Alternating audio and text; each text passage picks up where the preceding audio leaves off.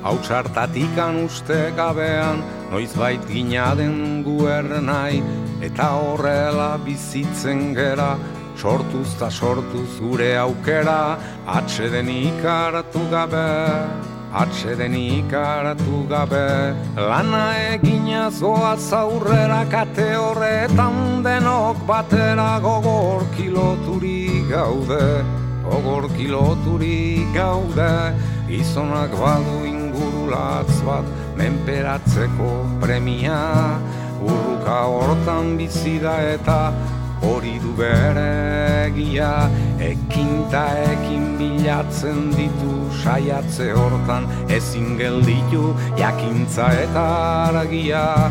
Jakintza eta argia. Bide ilunak nekez aurkitu lege berriak noiz baiter ditu. Hortan jokatuz bizia hortan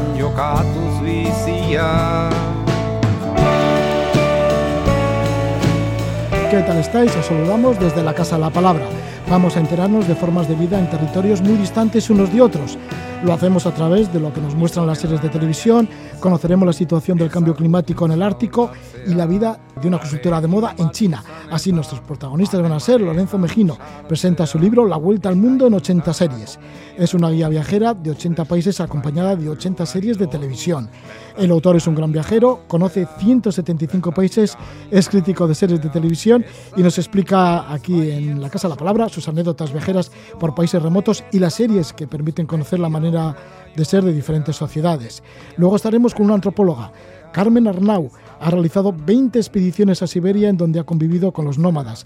Ha vivido entre ellos y ha conocido la sabiduría de los rituales de los chamales. Nos va a relatar sus intervenciones en el permafrost, en la taiga y la evolución del cambio climático en Siberia. Para terminar el programa La Casa de la Palabra, estaremos con Elisa Riera.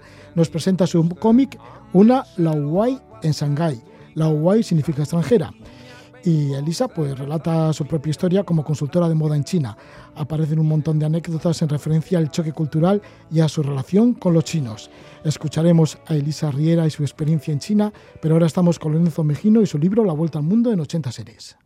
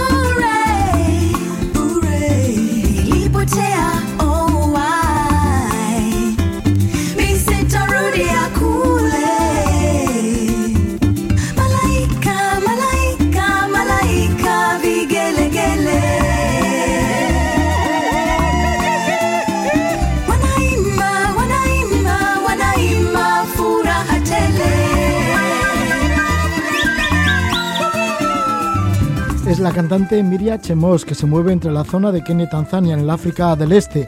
El África del Este, Kenia, Tanzania, también tiene sus series de televisión y también se recoge en un libro que lleva el título de La Vuelta al Mundo en 80 series.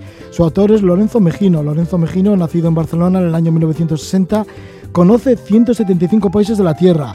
Ha vivido en Sudáfrica. Esto fue en el año 1983 y ha vuelto nuevamente a Sudáfrica en varias ocasiones. También vivió después en Japón. Él es ingeniero de caminos de profesión y en Japón estuvo en la creación de una pista de esquí en Sapporo, trabajando en, un esquí, una pista de esquí en Sapporo. También por su profesión de ingeniero ha vivido en Alemania, en Austria, también se ha movido mucho en proyectos por Pakistán, en islas muy pequeñitas del continente europeo. Lorenzo Mejino, que en los últimos tiempos es crítico de televisión del diario Vasco, tiene el blog Series para Grumés y publica este libro, La Vuelta al Mundo, en 80 series, que lo edita Lince y lo realiza junto con la periodista Paula Ergar. Habla de un montón de países, de un montón de series, de todo lo que ha vivido viajando por el mundo y de todo lo que sabe como crítico de cine y de televisión. Le damos la bienvenida a Lorenzo Mejino. Muy buenas noches, Lorenzo. Hola, buenas noches, Roger. Lorenzo, que además eres políglota, o sea que te has movido por el mundo, pues vamos, que, pero que muy bien, ¿no? Sí, hombre, lo de hablar idiomas te facilita mucho la vida al no tener que estar pendiente de, de, otros temas. Ahora con los traductores automáticos yo creo que la cosa es mucho más sencilla, pero en los tiempos que viajaba yo o sabías el idioma o, con gestos. Sí, y entonces además es que te ha servido saber idiomas para, para ser speaker en atletismo y has estado en diferentes estadios de todo el mundo. Sí, sí, de hecho hasta inauguré a Noeta en el 91, o sea que he estado en muchos lugares, eh, sobre todo con el atletismo, haciendo campeonatos del mundo, los Juegos Olímpicos de Barcelona, hace poco estuve en Cali, en Colombia, haciendo el Mundial Juvenil de Atletismo, y bueno, es otra faceta que tengo, porque bueno, tengo como muchas facetas eh, compartimentadas, la de ingeniero de caminos, la del speaker de atletismo, la del viajero, la de las series, y bueno, y al final con el libro lo que intentaba era unir por lo menos dos de ellas dos de ellas, ¿no? Lo de tu amor al cine, a las series y tu amor a los viajes. Porque mira, por ejemplo, eh, estuviste como speaker, ejercías de speaker, hablando por los altavoces en, en, los Juegos Olímpicos de Barcelona en el año 1992 en tu ciudad y después de ello decidiste tomarte un año sabático y hacer el viaje de tu vida, que venía a ser recorrer los mares del sur, recorrer el Pacífico de isla en isla. Sí, sí, eh, como era un trabajo que sabía el día que acababa, no tenía posibilidad de prórroga ni posterior porque no se acababan los juegos. Digamos, no, mm, me iba al paro, por decirlo de alguna manera, pero me quedaba sin trabajo y decidí que era un momento oportuno, más tenía dinero, tenía tiempo y después, bueno, voy a hacer lo que quería hacer, el viaje en mi vida, porque es un viaje que no me sirve para unas vacaciones de un mes, sino que quería disfrutarlo tranquilamente. Y cogí un avión hasta Coror, en las Islas Palau, uno de vuelta un año después desde la isla de Pascua y desde allí pues nada cruzar todo el Pacífico de islita en islita. ¿Qué es lo que solías hacer durante este año? ¿En qué te entretenías? ¿Y qué es lo que pues, aprendiste del Pacífico? Eh, pues yo lo que hacía es sobre todo submarinismo. Cuando llegaba a un sitio que tenía lugares interesantes, por ejemplo, acuerdo al atolón de Truk, que está en Micronesia, que tiene la mitad de la, de la flota japonesa hundida en medio del atolón, y estar haciendo submarinismo entre medio de submarinos acorazados. Aparte no están a, mucha profundidad, están a 20, 25 metros, con lo cual pues me estuve ahí una semana recorriendo todos los restos de la flota japonesa que estaba hundida en el atolón. Y el, el otro, pues eh, si no estaba allí, pues estaba en la playa leyendo, leía mucho, iba leyendo y bueno viviendo. No, no no tenía ningún objetivo más que nada dejar pasar los días y cuando había conocido bien la isla pues me iba a la siguiente.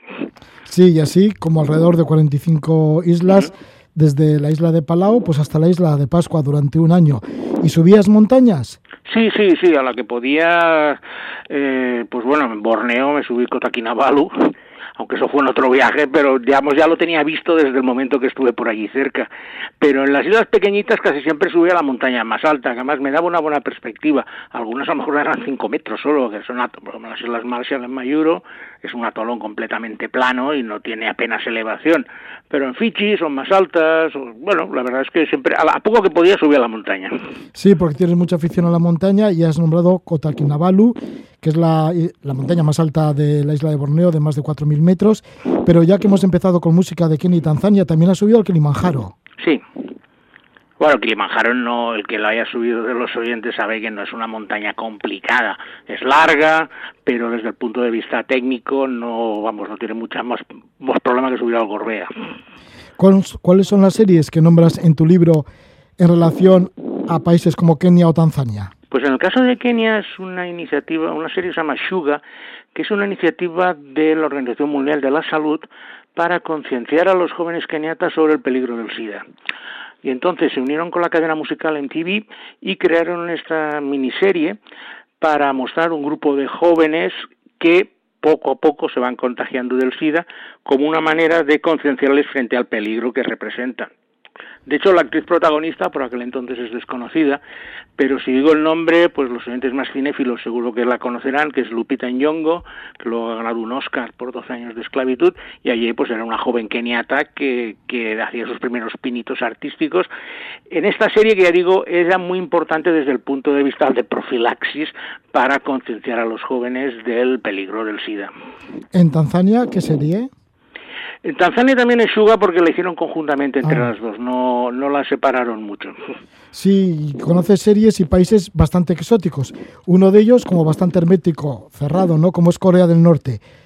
Y en Corea del Norte además has estado en varias ocasiones, por lo menos en dos, ¿no? digamos que por desgracia he estado dos veces. No por desgracia.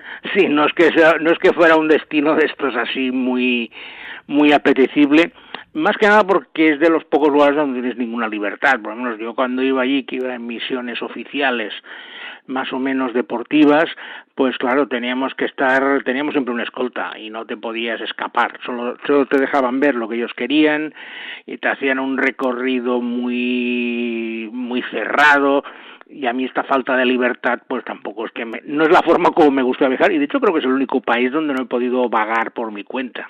¿Qué te parecieron las gentes de Corea del Norte? Bueno, digamos asustadas. asustadas porque había, había dos tipos de personas, las que trataban con nosotros y las que estaban asustadas de poder tratar con nosotros. Entonces, las que trataban con nosotros, pues eran, digamos, afectos al régimen y lógicamente solo hacían que cantar las maravillas de Kim Jong-un, Kim Il-jung y toda la dinastía. Y la verdad es que cuando una persona nos veía se apartaba por miedo de todos iban con su chapita del supremo líder y bueno, muy todo muy muy gris, muy uniformado, muy gris. ¿Cuál es alguna serie de las que conoces de Corea del Norte? Pues la que he puesto en el libro se llama Punishment, castigo, que es precisamente trata muy bien sobre la paranoia que tienen los coreanos del norte. Y es un, un superagente coreano del norte que va en un tren donde tiene que desenmascarar una conspiración de los malvados coreanos del sur y los americanos que quieren derrocar al líder supremo del país. Es así como bastante surrealista toda la historia, aparte está hecha con un calcetín, pero mm, lo que es la paranoia que tienen ellos frente al vecino del sur y el poderoso Estados Unidos, pues lo refleja bastante bien. Lorenzo, ¿y por qué esa pasión híbrida que tienes de mezclar las series con los viajes? La verdad es que siempre los he tenido por separado. Yo viajaba mucho y miraba series cuando iba a los viajes.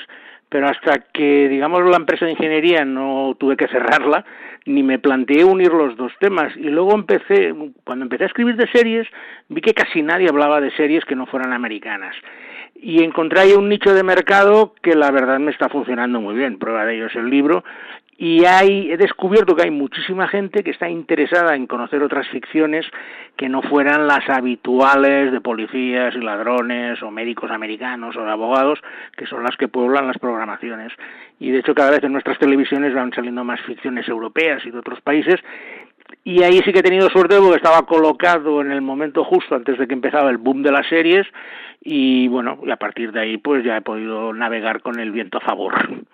Las series son una buena manera para introducirnos también en los hogares de esos países, para conocer la forma de vida de las familias de, de los países de donde es la serie. Sí, de hecho, el libro lo hemos planteado Paula y yo como una guía de viajes seriéfila. Es decir, cada capítulo está dedicado a un país y intentamos explicar cómo puedes conocer ese país a partir de la, de la imagen que te va a dar la serie. Esto Paula lo diseñó como una guía de viajes, entonces te va a decir, pues mira, con esta serie vas a conocer esta ciudad. Tu anfitrión va a ser este señor que va a ser el protagonista de la serie y dormirás en la casa de estos señores y te explicará un poco cuáles son las costumbres que vas a conocer del país a través de la serie y los personajes, las aventuras que vas a vivir. Mm, por eso digo, es como un híbrido de guía de viajes y de guía de series, intentando aunar ambos términos, que es algo que yo no conocía que se hubiera hecho, es bastante novedoso y original y que, bueno, me parecía que era la mejor forma de mostrar cómo son los países o las culturas de esos países por dentro. En el caso de Pakistán, un país que también conoces, que además has trabajado allí como ingeniero. Sí, en el, caso de Pakistán, una cosa que he hecho en bastantes países es mostrar la situación de las minorías.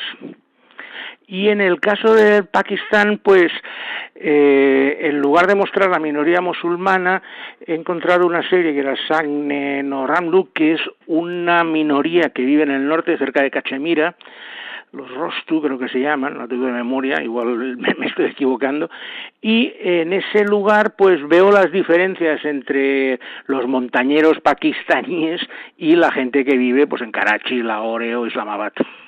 ¿Y cómo es esa diferencia?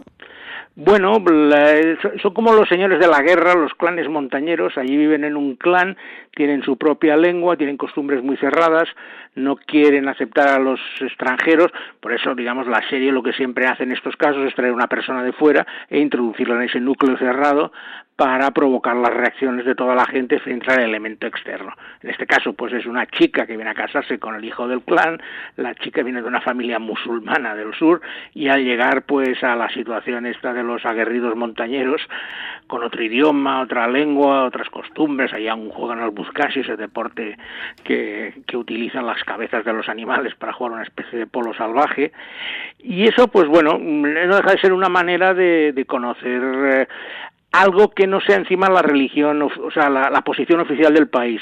Y en eso las minorías también me dan un contraste muy interesante en según qué países. Lorenzo, ¿y qué te ha sorprendido? ¿Qué te ha llamado la atención? ¿Cuáles son las que, seguramente cada una de las series, ¿no? Pero algunas de estas series que, por la cultura tan lejana o exótica, digas, bueno, lo que estoy descubriendo en, eh, lo, que en lo que estoy viendo. Mira, a mí una de las que más me gustó fue la, la, que, la que he seleccionado en Australia, que es Redfern Now, que precisamente muestra la cultura aborigen. Es una serie hecha por aborígenes, protagonizada por aborígenes, escrita y dirigida, y trata las historias de un barrio de Sydney, se llama Redfern, que es el lugar donde están hacinados los aborígenes. Y no deja de ser una manera donde te muestran el maltrato que han tenido durante toda la historia el pueblo aborigen, tiene uno de los mejores episodios que he visto en una serie televisiva que se llama El himno, que básicamente es la rebelión de un chico que consigue una beca para ir a una escuela de lujo porque le obligan a cantar el himno australiano. Y la letra del himno australiano es completamente ofensiva, ahora que estamos en tiempo de corrección política, para los aborígenes. El chico no sabía el himno, entonces no te lo tienes que aprender, lo lee, esto yo no lo voy a cantar, esto, esto es ofensivo para mí pues o lo cantas o te vamos, y, o te echamos. Y ahí se monta un conflicto político muy interesante y que te hace recapacitar sobre, pues, cómo los colonialistas británicos trataron a los aborígenes, aparte, bueno, de emborracharlos y dejarlos como, como ciudadanos de cuarta hasta hace muy pocos años. ¿Cómo encuentras estas series? Bueno, de todas las maneras, algunas están en YouTube porque las cuelgan los propios eh, los propios emisores, espera a los países pobres porque le interesa que los emigrantes, los keniatas, por ejemplo, puedan ver las series de Kenia, o los franceses, los, los togoleses que viven en Francia puedan ver las series de Togo. En otro, pues tengo contactos televisivos que me envían las series y puedo verlas por screeners, porque han descubierto que si yo hablo de las mismas, luego se las compran y al final es como un win-win y hacemos negocio los dos. Y por último, pues también recurro pues a las redes a ver qué encuentro por ahí en plan pirata. Es el último recurso, pero para según qué países eh, funciona bien. ¿Las series también son un llamativo turístico para allí en donde se desarrollan? Sí, a ver. Eh, bueno, hay casos, ejemplos claros, ¿no? Tienes un ejemplo muy cercano ahí bueno, en Bilbao. Sí, el de San Juan de Lugache, ¿no? Exacto. Eh, o sea, la explosión que ha tenido San Juan, la ermita, desde que salió un Juego de Tronos en una de las escenas clave, pues creo que, vamos, Radio Euskadi os habéis hecho eco muchísimas veces porque la avalancha de visitantes que ahí están llegando, atraídos por este, por este boom de las series, que aparte Juego de Tronos ha, ha, sido como un revulsivo porque lo mismo está pasando en Irlanda del Norte, en Giants Causeway, va muchísima gente, a Islandia, a ver los glaciares donde se ha rodado Juego de Tronos, Dubrovnik, digamos, como se ha rodado en tantos lugares, todos han tenido su propia, su propia importancia y la gente quiere ver esos lugares. Y está provocando, por ejemplo, en Inglaterra y en muchos sitios, que haya rutas turísticas para ver las localizaciones de películas o de series y que la gente pues pueda recordar los momentos que ha vivido delante de la pantalla, pues haciéndose su selfie allí delante. Sí, pero esto te habrá sucedido también en otros, en otros sitios, ¿no? Porque seguramente que algunas veces hasta has sido invitado por los productores a ver los escenarios en donde se desarrollan las series. Eso he tenido suerte y, digamos, una de las series que más me ha gustado, sí que está en el libro, que se llama Jaime Bane, es una serie noruega, se llama Homeground, en, está en España en Homeground, en filming, en filming. Ellos me invitaron al rodaje de la segunda temporada que se hace en un pueblecito que está en los fiordos, Ulsteinsvik, que está entre Trondheim y Bergen, y es un lugar maravilloso. Y allí rodaron la primera temporada. Y yo descubrí la serie porque trataba de un tema que me interesaba mucho, que es la historia de la primera mujer que consigue ser entrenadora de un equipo de fútbol masculino de primera división y cómo tiene que tratar con el machismo de todo el mundo. La serie es una maravilla y los productores, la verdad, vieron mi crítica, les gustó tanto que no dudaron en invitarme. Me, fui tres días a Noruega a conocer al equipo técnico y a ver cómo rodaban esto la segunda temporada en Ultimate Estamos con Lorenzo Mejino y nos está hablando de ese híbrido que ha hecho, ¿no? Esa pasión que tiene de mezclar las series con los viajes. Y así sale el libro La Vuelta al Mundo en 80 series. Lo edita Lince, está escrito junto con la periodista Paula Ergar, Lorenzo Mejino, que tiene el blog de series para Grumés en el Diario Vasco y además tiene un podcast que es Traveling Series. Muchísimas gracias por estar con nosotros, Lorenzo Mejino, y que vaya bien con esa vuelta al mundo en 80 series. Muchas gracias, Roge, y gracias por tenerme en tu programa. Encantado de ello, Lorenzo. Es un honor. Agur.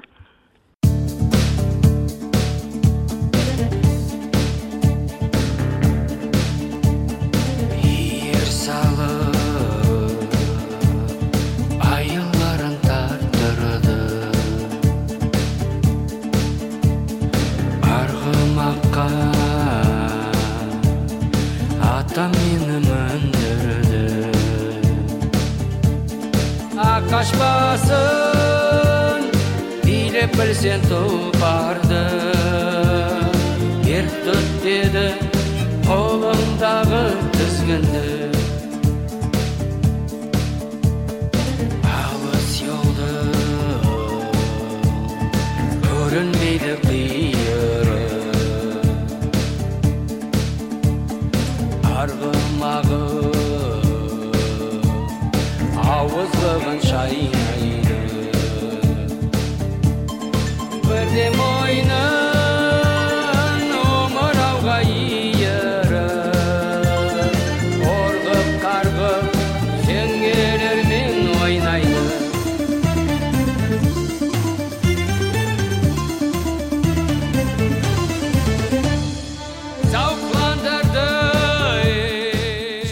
nos llegan desde las grandes extensiones del Asia Central. La música es de Arslas Bek Sultan Bekov, su disco Don Vira. Y vamos a acercarnos a Siberia y también al Asia Central y lo hacemos con una verdadera mm, experta como es Carmen Arnau. Carmen Arnau Muro, que ella es antropóloga, especialista en pueblos nómadas de Siberia. Ha realizado 20 expediciones a estas tierras del norte de Rusia y 5 al Asia Central. La primera vez que estuvo en Siberia fue en 1997. Fue al encuentro de los Chorsens. Con el tiempo contactó con los Jacasios en la estepa. Estuvo en la cadena Altai. Visitó a los Tuba en la montaña y al pueblo Buriata en el lago Baikal. En el 2015 amplió el campo de acción y se fue al encuentro de los pueblos nómadas al otro lado de la frontera rusa, introduciéndose en algunos países del Asia Central como Kazajistán. Carmen Arnau tiene publicados cinco libros, algunos de ellos son, por ejemplo, Los Chorses, un pueblo de la taiga de Siberia, también chamanismo entre los chorses de Siberia y el último de los cuales es Mi Siberia particular. En esta ocasión nos hace referencia a las dos últimas expediciones y lo que ha apreciado del cambio climático tanto en el permafrost, el terreno helado de Siberia, como en la taiga en el bosque siberiano. Bienvenida Carmen Arnau Muro, muy buenas noches. Buenas noches, José. Bueno, pues ha quedado ya bastante lejos esa primera expedición, ¿no? Que realizaste en el año 1997 en Siberia. Sí, sí, sí, pero yo sigo. Bueno, hay que decir que vamos a hablar de dos expediciones y la primera la hiciste en junio de 2019, que fue el final de la primavera y estuviste en la región de Yakutia una vez más. Sí, eh, fui a Yakutia a bueno a varios sitios primero se llega claro a Yakutsk pero luego en otras ciudades eh, como Niriungri o como Umiakom que es el lugar más frío habitado de la tierra como sabes ahí en la en la tundra y mm, que tiene hasta 70 grados bajo cero de récord es horrible Sí, pero ya has estado varias veces, ¿no? Allí. Sí, sí, pero pero no a tanto frío. Yo no he estado a, a, más frío de menos 45, que es bastante ya. Sí, sí. sí, Y entonces, bueno, pues esta vez llegaba a ser una época mejor, ¿no? El final de la primavera, el principio del verano. Sí. Y además, claro, la gente del lugar, con tanto frío, estarán deseando de que llegue ya el principio del verano. Claro, claro. Por eso quería, yo quería este en concreto, aparte de ir a varios sitios, quería ir a ver el festival de la bienvenida del verano que hacen que se juntan todas las todos los um, porque Yakutia no solo hay yakutos hay evencos even dolganes yukagir pueblos diferentes no entonces en ese en esa fiesta se juntan eh, se hermanan todos los pueblos diferentes con sus trajes su folclore y me interesaba mucho. Y entonces pues pues fui a esta a esta fiesta que no la había visto nunca este encuentro y porque yo he estado en otros meses, pero nunca había coincidido en estas fechas, ¿sabes? ¿Y cómo es allí ese, cómo es la primavera? Que hay una explosión también de, bueno, de vegetación. Eh, mira, yo en mis libros siempre pongo muchas fotos de verano porque quiero que la gente vea que en Siberia no solo hay nieve y, hielo, sino que hay muchísimas flores, muchos frutos, muchas bayas. O sea que hay una explosión de cuando se derrite la nieve y eso, una explosión bárbara. Y es una maravilla, sí. ¿Y las gentes que se acercan a este festival de folclore? Que llegan con mucha alegría, con muchas ganas de danzar. Claro, claro, muchas ganas de encontrarse. Piensa que allí en, en las tundras, en las poblaciones, pues están también apartadas, quitando a las ciudades que hay, que hay varias ciudades grandes, pero el resto de ese Yakutia tiene eh, tres millones de kilómetros cuadrados, o sea, es seis veces España. Esa, y entonces, claro, están muy diseminados y, y eso para ellos encontrarse y pues es una, una maravilla. Llevan sus trajes, su folclore, sus um, o sea, cosas culinarias y en fin, es muy interesante. Es un territorio de permafrost, el permafrost que viene a ser el, hielo permanente. Exactamente, es el suelo allí que eh, precisamente es una cosa, pues no sé, que a mí me ha impactado mucho porque como llevo años yendo a Siberia, pues estoy viendo todos los cambios que va, se van produciendo, incluso también en a nivel social, cultural y todo esto, pero también climático, porque allí el, el permafrost se está reblandeciendo con la subida de las temperaturas y eso representa mm, pues un gran peligro porque Mm, claro, los, las fábricas, los edificios se, se pueden tambalear mm, y, y a em, pasar muchas cosas, ¿no? Es un, un, un grave problema. ¿Qué sucede cuando sucede este deshielo o este reblandecimiento del hielo, del permafrost? Mira, por ejemplo, hace, hace no sé cuántos días hubo un percance muy grave, que hubo un derrame de un vertido muy grande a los ríos y precisamente ha sido porque el permafrost cedió y a su vez cedieron los grandes depósitos que tienen combustibles o productos químicos, se rompieron y se, y se salieron. Y, y en, en Rusia, mm, sobre todo en el norte, hay muchas eh, instalaciones que corren peligro con esto. Y incluso las casas, mm, como para, para construir bloques de pisos, eh, los ingenieros y los arquitectos rusos, que son, están muy acostumbrados a los rigores de estos climáticos, pues construyen las casas sobre pilares, igual que las plataformas petrolíferas, ¿sabes? Entonces esos pilares están hundidos en el permafrost y son seguras. Pero claro, si el permafrost se derrite y cede, pues hay peligro para muchos edificios y muchas fábricas y muchos sí, es, eh, es un, se, se, se, nota mucho y la gente también está empezando a preocuparse eh, por el, la subida de las temperaturas y los cambios. Luego también este, este año, um, o sea, el año 19, eh, había muchos incendios, como, como ya sabéis que se dieron en las noticias, incendios tremendos, tremendos sí, sí. Entonces, claro. ¿Y esto por qué?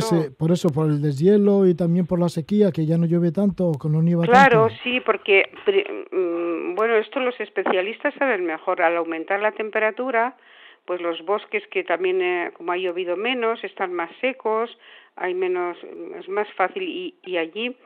Eh, como hay muchas zonas deshabitadas, si de pronto hay un foco muy grande de incendio en un gran bosque, pues eso ahí mm, bueno, es eh, quién lo para, quién lo apaga. Ah, eh, el año pasado me parece que hasta recurrieron a, al ejército porque aquello, claro, eh, son dimensiones muy grandes. Y, y en la segunda expedición que, que fui, en, eh, en, en julio-agosto, en el verano, fuimos a, llevé un grupo, por cierto, de seis personas y dos de ellos eran vascos, eh, fuimos a, a la región de Kemerovo y a la zona de taiga, ¿no? de grandes bosques. Tuve que modificar un poco la, el itinerario que había planeado porque había incendios muy grandes. Y entonces, claro, esto es tremendo. Y además repercute en las poblaciones indígenas, claro, pero también repercute en los animales, porque, por ejemplo, los osos se han convertido ahora mismo en un riesgo para las poblaciones indígenas y los pequeños pueblos que hay a veces en el sur, en esa zona, porque se van, huyen del fuego y van despavoridos buscando alimento, buscando refugio, en fin, y claro, son un peligro para las personas. Y los mismos indígenas que están acostumbrados a todo tipo mm, de relación con la naturaleza, buena, mala, regular, pues tenían incluso miedo, ya van a cazar o van a hacer cosas siempre llevándose varios perros para que les advierta de cuando vienen los osos estos. O sea que el cambio climático está afectando mucho. Porque es el bosque siberiano y del bosque vivirán todos esos pueblos, ¿no? Lo, tradicionalmente los chorsens, Sí, los claro, piensa- los sí. jacasios, que bien conoces. Sí, sí, esto, ahí en, la, en la- todos estos montes ayanes eh, que se unen con la cordillera de Altai y llegan hasta, hasta casi hasta el Baikal, toda esa zona de bosques, pues en, en Buriatia, al lado del Baikal, también ha habido muchos incendios, aunque yo no estuve este año pasado, pero también ha habido toda esa franja de bosques enormes, que son miles de kilómetros de bosques, que eh, es, es un tesoro bastante desconocido para nosotros los occidentales, pero eh, nosotros siempre hacemos referencia a la Amazonia, que es una maravilla, por supuesto, pero es que la taiga siberiana tiene miles y miles de kilómetros mm, de largo y a veces hasta de ancho. O sea, es un bosque gigantesco y es una pena los incendios y eh, las administraciones hacen lo que pueden, porque claro, como está todo tan es tan grande todas las dimensiones y a veces está mal comunicado, no se puede acceder, no pueden ir bomberos, es, o sea, es muy difícil. Y allí las llamas campan a su aire, pues mira, imagínate las poblaciones indígenas que viven dentro de estos de estos bosques, pues se quedan sin caza, se quedan sin recursos, se quedan tienen que, en fin, aparte del riesgo personal, claro. Carmen Arnau Muro, antropóloga Sí. que lleva ya 20 expediciones en las tierras del norte de Rusia y 5 en el Asia Central. Nos está comentando la problemática del permafrost que se está reblandeciendo ahí en Siberia y también pues, nos está hablando de la taiga, del bosque siberiano, de los incendios en el verano. Carmen, y que además esa cultura mm, de los pueblos nómadas de Siberia la traes también a tu zona, ¿no? A los montes de Toledo, porque en los montes de. Toledo tienes ya Sí. dos museos. Sí, sí. Los museos a- a sobre la vida de los nómadas Mucha gente se en extraña y dice, pero bueno, ¿cómo es que hay un museo de Siberia en los montes de Toledo? Digo, bueno, si es que yo soy de aquí, pues lo tengo aquí en una finca que tengo de cuatro hectáreas.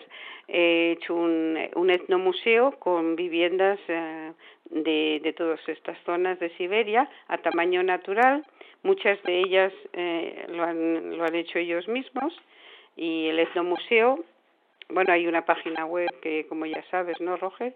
etnomuseosiberia.org. Ahí Sí. tenéis información, podéis ver las viviendas y, en fin. Y, y luego tengo otro museo que es más un centro de estudios donde está también la fundación y este lo abrimos, eh, está siempre abierto, pero bajo petición de hora, ¿eh?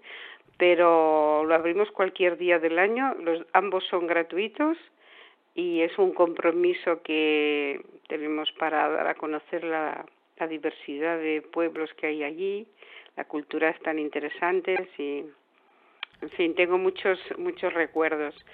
Sí, Precisamente el último libro que tú has citado mío, este que he hecho de mi Siberia particular, pues es un, una, como una especie de agradecimiento y homenaje a, a ellos. ¿eh? Es un, no es un manual de, de antropología, sino que es un, un, un canto a, a, sus cualidades, a sus valores y un agradecimiento a todo lo que me han dejado aprender, ¿sabes? Eh, Bueno, pues- es un compromiso de toda una vida, Roger. ¿Qué te parece? Sí, sí, ya un compromiso, sí, que empezó ya por el año 1997, que te hemos ido haciendo entrevistas Sí. a lo largo de este tiempo y bueno, siempre tienes un montón de cosas que contarnos de Siberia. Hoy nos Sí, has hablado sí. de algunos aspectos del cambio climático en Siberia, cara a lo que viene en el verano. También está como noticia tu libro Mi Siberia particular y bueno, y que sigues ahí en los Montes de Toledo, esos dos en los museos que tienes de la vida nómada en Siberia. Pues muchísimas gracias por este contacto una vez más, Carmen Arnau, y volveremos a seguir hablando de, de tus Gracias pueblos a ti, queridos. gracias a ti. Vale, Un abrazo otra. para Carmen. todos.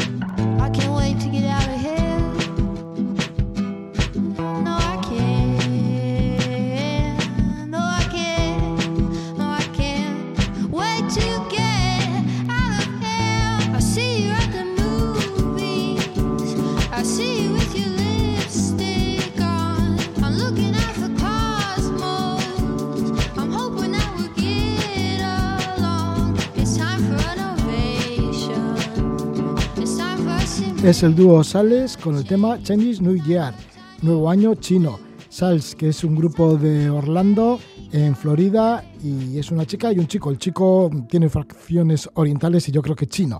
Bueno, es música que nos recomienda nuestra invitada, que es Elisa Riera, nacida en Barcelona en el año 1981. Es consultora de moda para marcas chinas, realiza colecciones. Es la autora del cómic Una Loaui en Shanghái, que viene a ser la Hawaii como extranjera, una extranjera en Shanghái. Dibuja una historia autobiográfica de sus numerosas y cotidianas estancias en China.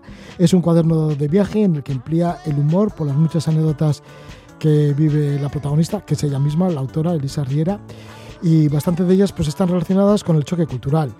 Muestra su ámbito laboral y su interacción en hoteles, en medios de transporte.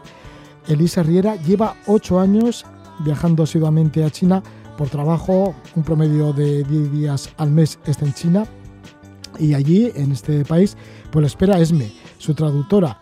Tienen una gran amistad, tal es así que se consideran hermanas. Este es el segundo cómic de Elisa Riera tras debutar con El futuro es brillante, ambos editados por Asteberry. Le damos la bienvenida a Elisa Riera. Muy buenas noches, Elisa. Hola, buenas noches, ¿qué tal? Bueno, pues este, este cómic, este TVO que le has llamado Lo Hawaii en Shanghái, que Lo Hawaii, como decimos, es extranjera, ¿no? Así os llaman en China. Sí, es extranjero en, en slang, que es, digamos, como en un, en un lenguaje un poco así, no muy, no muy serio, digamos. ¿Y siempre serás extranjera, a pesar de tantas veces que has ido allá y tan asidua que eres y que trabajas además en el lugar? Pues así me considero, la verdad, y así me consideran, ¿eh? Porque muchas veces hablan de mí delante mío, a lo mejor pensando que hablo menos chino del que hablo, que tampoco es mucho, eh, y dicen como, la extranjera ha dicho que no sé qué, la extranjera dice que no sé cuántos. Así que sí, yo creo que seré para siempre, pero bueno, es normal. Elisa, ¿y cómo es este oficio, el de consultora de moda para marcas chinas? Pues yo diría que es suena muchísimo mejor de lo que es. en realidad es muy, sea, es una cosa como que es muy absorbente. Eh, personalmente me apasiona la idea de trabajar con, con culturas distintas, porque creo que en ambos, o sea, como en ambos lados se puede aprender un montón, tanto del, de un lado como del otro, y es muy enriquecedor, pero a la vez es muy, muy cansado. O sea, hay días que como que no estás como muy preparada como para como conceptos que para ti son muy obvios por tu cultura, a lo mejor en otra cultura no se entienden de la manera que tú lo explicarías. Entonces a veces hay que hacer como esfuerzos extra para, para hacerte comprender. Pero Sí. a mí me gusta mucho. Sí están esos esfuerzos extras que aparecen en anécdotas en este cómic, pero luego sí que tiene que ser cansado. Esto de estar en Barcelona y cada mes ir 10 días a China y luego en China es que además te mueves muchísimo porque llegas allí eh, del avión, a veces se te pierde la maleta, como los primeros en las primeras viñetas, ¿no? Que parece que se te ha perdido la, la maleta y si está en París y vete a saber cuándo llega y tienes que estar con lo opuesto y además tienes que estar trabajando y de allí te tienes que, que tomar un tren para luego ir a otra ciudad y de esa ciudad a otra ciudad y estar con diferentes clientes y luego de hotel en hotel, de Sí. tren en tren también, o sea que no, que es como muy, muy, muy movidito todo y además con el jet lag, o sea que hay que adaptarse a esa forma de vida también, ¿eh? Bueno, eh, sí es verdad, hay que adaptarse. Yo estoy adaptada y me gusta en el sentido de que la rutina me no me gusta demasiado. Entonces, la idea de como tener que viajar cada mes, cada mes y medio no me parecía una mala opción. Debo decirte que desde el confinamiento estoy apreciando mucho quedarme en casa. Entonces, eh, está siendo también muy interesante la manera como de interactuar con los clientes eh, de una manera online más, eh, más constante y vamos a cambiar un poco la historia, pero en principio la hora de, a la hora de ir cada mes, mes medio piensa que yo viajaba cómoda, o sea, no era una cosa así como muy dramática, eh, pero bueno, yo creo que conseguí como hacer un par, un par de, bueno, tener como un par de vidas, digamos, ¿no? En, una- en un país y en el otro, pues tener mis propias costumbres, rutinas, sitios a los que iba a comer, a cenar, el horario, entonces más o menos me adapté de una manera bastante, bastante cómoda, diría, ¿eh? Sí, sí, eso está bien eh, tener esa variedad, ¿no? Tener como dos vidas distintas, una la que vives en China y otra la que vives en Barcelona. Y Mm. bueno, y además en China te espera Esme. Esme que, como decíamos, pues es tu traductora, pero la relación es tan de amistad que ya os consideráis hermanas. Sí, bueno, es que en China, en China normalmente a las, a las amigas mayores se las llama hermana mayor, hermana mayor, ¿no? Entonces, eh, ya una vez me llamó, me, me así y le pregunté por qué en castellano, ¿eh? Porque ella habla castellano muy bien. Y entonces me explicó pues esta costumbre que tenían allí. También piensa que, o sea, tener una intérprete, trabajar con una intérprete mano a mano, significa que al final acabas siendo una persona más poderosa porque tienes lo mejor de un lado y del otro. ¿sabes? Entonces, como yo tengo que, yo he hecho el esfuerzo extra de intentar hacerme entender, explicarle las cosas de una manera como eh, más comprensible, más sencilla, más sintética, y ella hace el esfuerzo de entenderme a mí intentar transmitir lo que yo quiero decir, pero en un idioma que es completamente distinto, que se eh, las frases se construyen diferentes y muchas cosas tienen un significado totalmente diferente. Entonces, bueno, al final yo creo que después de cinco años que hemos estado trabajando juntas, hemos conseguido como hacernos una en el caso cuando vamos a trabajar. Y luego cuando dejamos de trabajar, pues entonces es lo que aparece en el cómic, que es como que pues nos preguntamos muchas cosas, eh, para comparar básicamente, para aprender la una de la otra, y siempre desde un punto de vista súper horizontal. ¿Cuáles son esos conceptos distintos entre lo chino y lo occidental que crean malentendidos? Bueno, no sé si malentendidos, ¿eh? pero hay las maneras de entender las cosas como más abstractas, porque yo soy consultora de moda y eso significa, en este caso, pues que intento explicarles las tendencias globales eh, que va a llevar la moda la temporada que viene.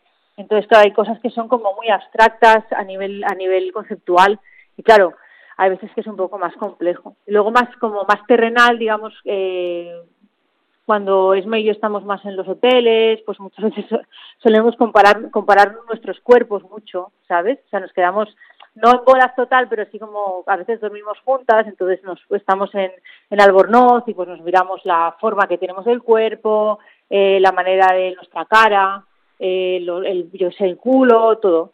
Y eso es una cosa que también me interesó mucho dibujar en el cómic, o sea, cómo, cómo expresar y representar eh, una, o sea, una fisionomía facial que no fuera la mía y no caer en tópicos que en los que no quería caer, ¿sabes?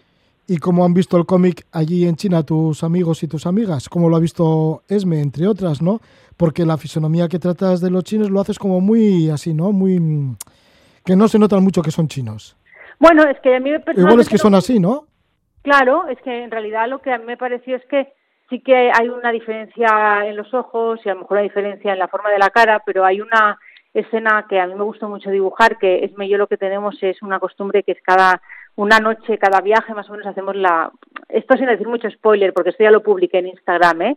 pero como la noche de las mascaritas. Entonces eh, nos pasamos después de trabajar, ella trae las mascarillas que son siempre coreanas, que las compra en Taobao, que es una una web china donde se puede comprar de todo y entonces nos ponemos las mascarillas y sucede siempre que las mascarillas a mí me quedan fatal porque me sobra por todos sitios y a ella le quedan perfectas. Entonces, pues siempre comparamos que su cara es más redonda, es más plana y la mía tiene muchas más arrugas y nos envejecemos mucho antes aquí. Entonces, bueno, básicamente pues intenté como transmitir eso, pero desde el punto de vista de que no somos tan distintos. Sí, luego pues son cosas de la vida cotidiana. Por ejemplo, que en China, por supuesto, hay muchísima gente, que hay largas colas, Sí. que el concepto de la cola en China debe ser distinta también al concepto que tenemos aquí. Sí, bueno, la verdad es que también la cosa ha ido cambiando con el tiempo, pero sí que es verdad que el concepto es distinto. O sea, aquí tenemos una cola que es mucho más, bueno, entendemos que hay una, un orden, ¿no? Que va uno detrás del otro y muchas veces me he encontrado allí, especialmente en las estaciones, que la gente cuando va con prisa o ve un hueco entre una persona y otra, pues se mete ahí, ¿sabes? Entonces, muchas veces, igual que en los atascos, ¿no? Eh, se lo toman este tipo de interacciones se los toman de una manera como mucho más relax que aquí. O sea, allí nadie se grita a los unos a los otros por haberse colado, por ejemplo, ¿no? Entonces yo he aprendido a adaptarme a ello. es decir, si vas con prisa, pues sí que le dices, por favor, tira para atrás, así, pero si no, pues tampoco, en realidad, que una persona más, pues tampoco es tan grave. ¿Cómo es el trabajo en China? Porque ya se sabe, los chinos son muy trabajadores, pero en tu cómic, por ejemplo, aparecen eh, fábricas que tienen edificios anexos donde algunos de los trabajadores que no pueden ir a su ciudad, pues se quedan en esas casas. Así que viven para el trabajo. Bueno, eh, eh, son más trabajadores también un poco, entiendo, por necesidad, porque, bueno, así son sus horarios laborales. Pero sí, generalmente, es que ¿sabes qué pasa? Que es que China es tan gigantesca que cuando tú te mudas de una ciudad a otra a trabajar es imposible que vuelvas a dormir a tu casa. Entonces muchas fábricas lo que hacen es facilitar eso a los trabajadores, bueno, no sé diría si facilitar o ofrecer como edificios anexos donde cada trabajador pues tiene una habitación y entonces se pueden quedar allá, duerm- duermen allí, digamos que vivan, que viven allí. No, o sea, me parece, a mí no me gustaría, porque en realidad es que acabas eso, lo que tú dices, acaban, acabas viviendo en el sitio donde trabajas, ¿no? Pero definitivamente lo que es es un ritmo diferente al nuestro, eso sí. Entonces yo lo que me ha tocado pues es adaptarme a eso, ¿no? O sea, ir a tope cuando estoy allí, a tope para, para mí o para nuestra, nuestras costumbres, y luego cuando vengo aquí pues intento descansar un poco. Sí, porque allí es más intenso el trabajo. Sí, so- bueno, eh, yo creo que sí, la verdad es que son más horas, eh, los equipos son mucho más grandes, eso quiere decir que hay muchas más, eh, muchos más contratiempos cuando a la hora de avanzar eh, de, una, de un momento a otro momento, de decisiones de colores, etc. ¿sabes? Entonces sí que es, yo diría que sí que es más, digamos que es más complejo el proceso de trabajo a la hora de llegar a un resultado final. Utilizas mucho el tren. Te mueves un Sí. montón en tren. Y además es que varías de ciudad en ciudad y ahí te subes de una estación a otra. Te Sí. subes al tren de una estación a otra. Sí, porque a mí me encanta, o sea, el tren, viajar en tren me gusta mucho y en China funciona súper bien. Al contrario, bueno, no diría que los aviones funcionan mal en China, sino que como hay tantísimo tráfico aéreo, pues es muy normal que haya un mogollón de retrasos, ¿no? Eso también aparece en el cómic.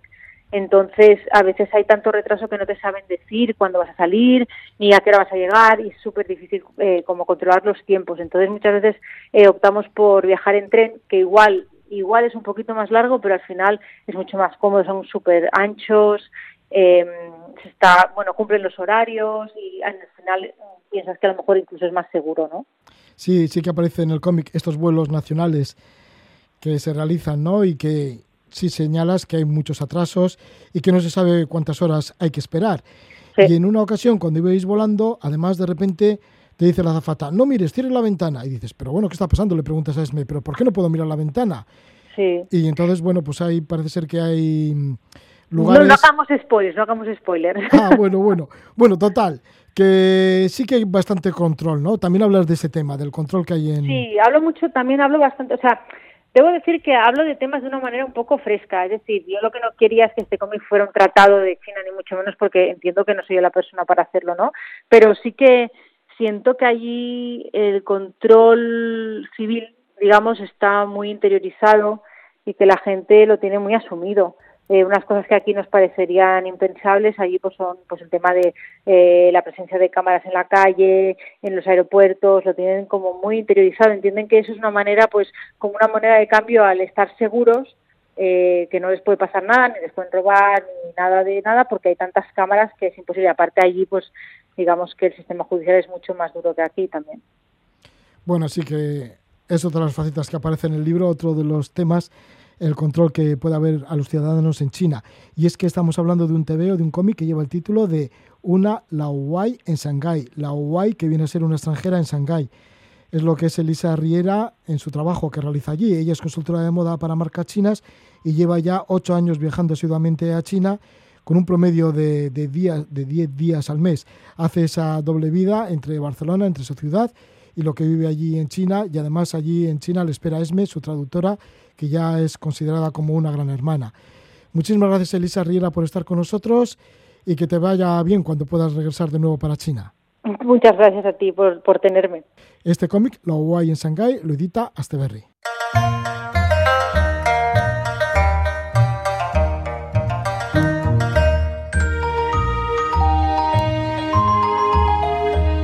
Elisa Riera, que toma notas de todo lo que le ha sucedido en China desde el principio de sus estancias como consultora de moda en este país. Y así nace este cómic, Una Guay en Shanghái. Nosotros nos vamos, lo hacemos con la música de Kerau y el tema Banoa. Que disfrutéis.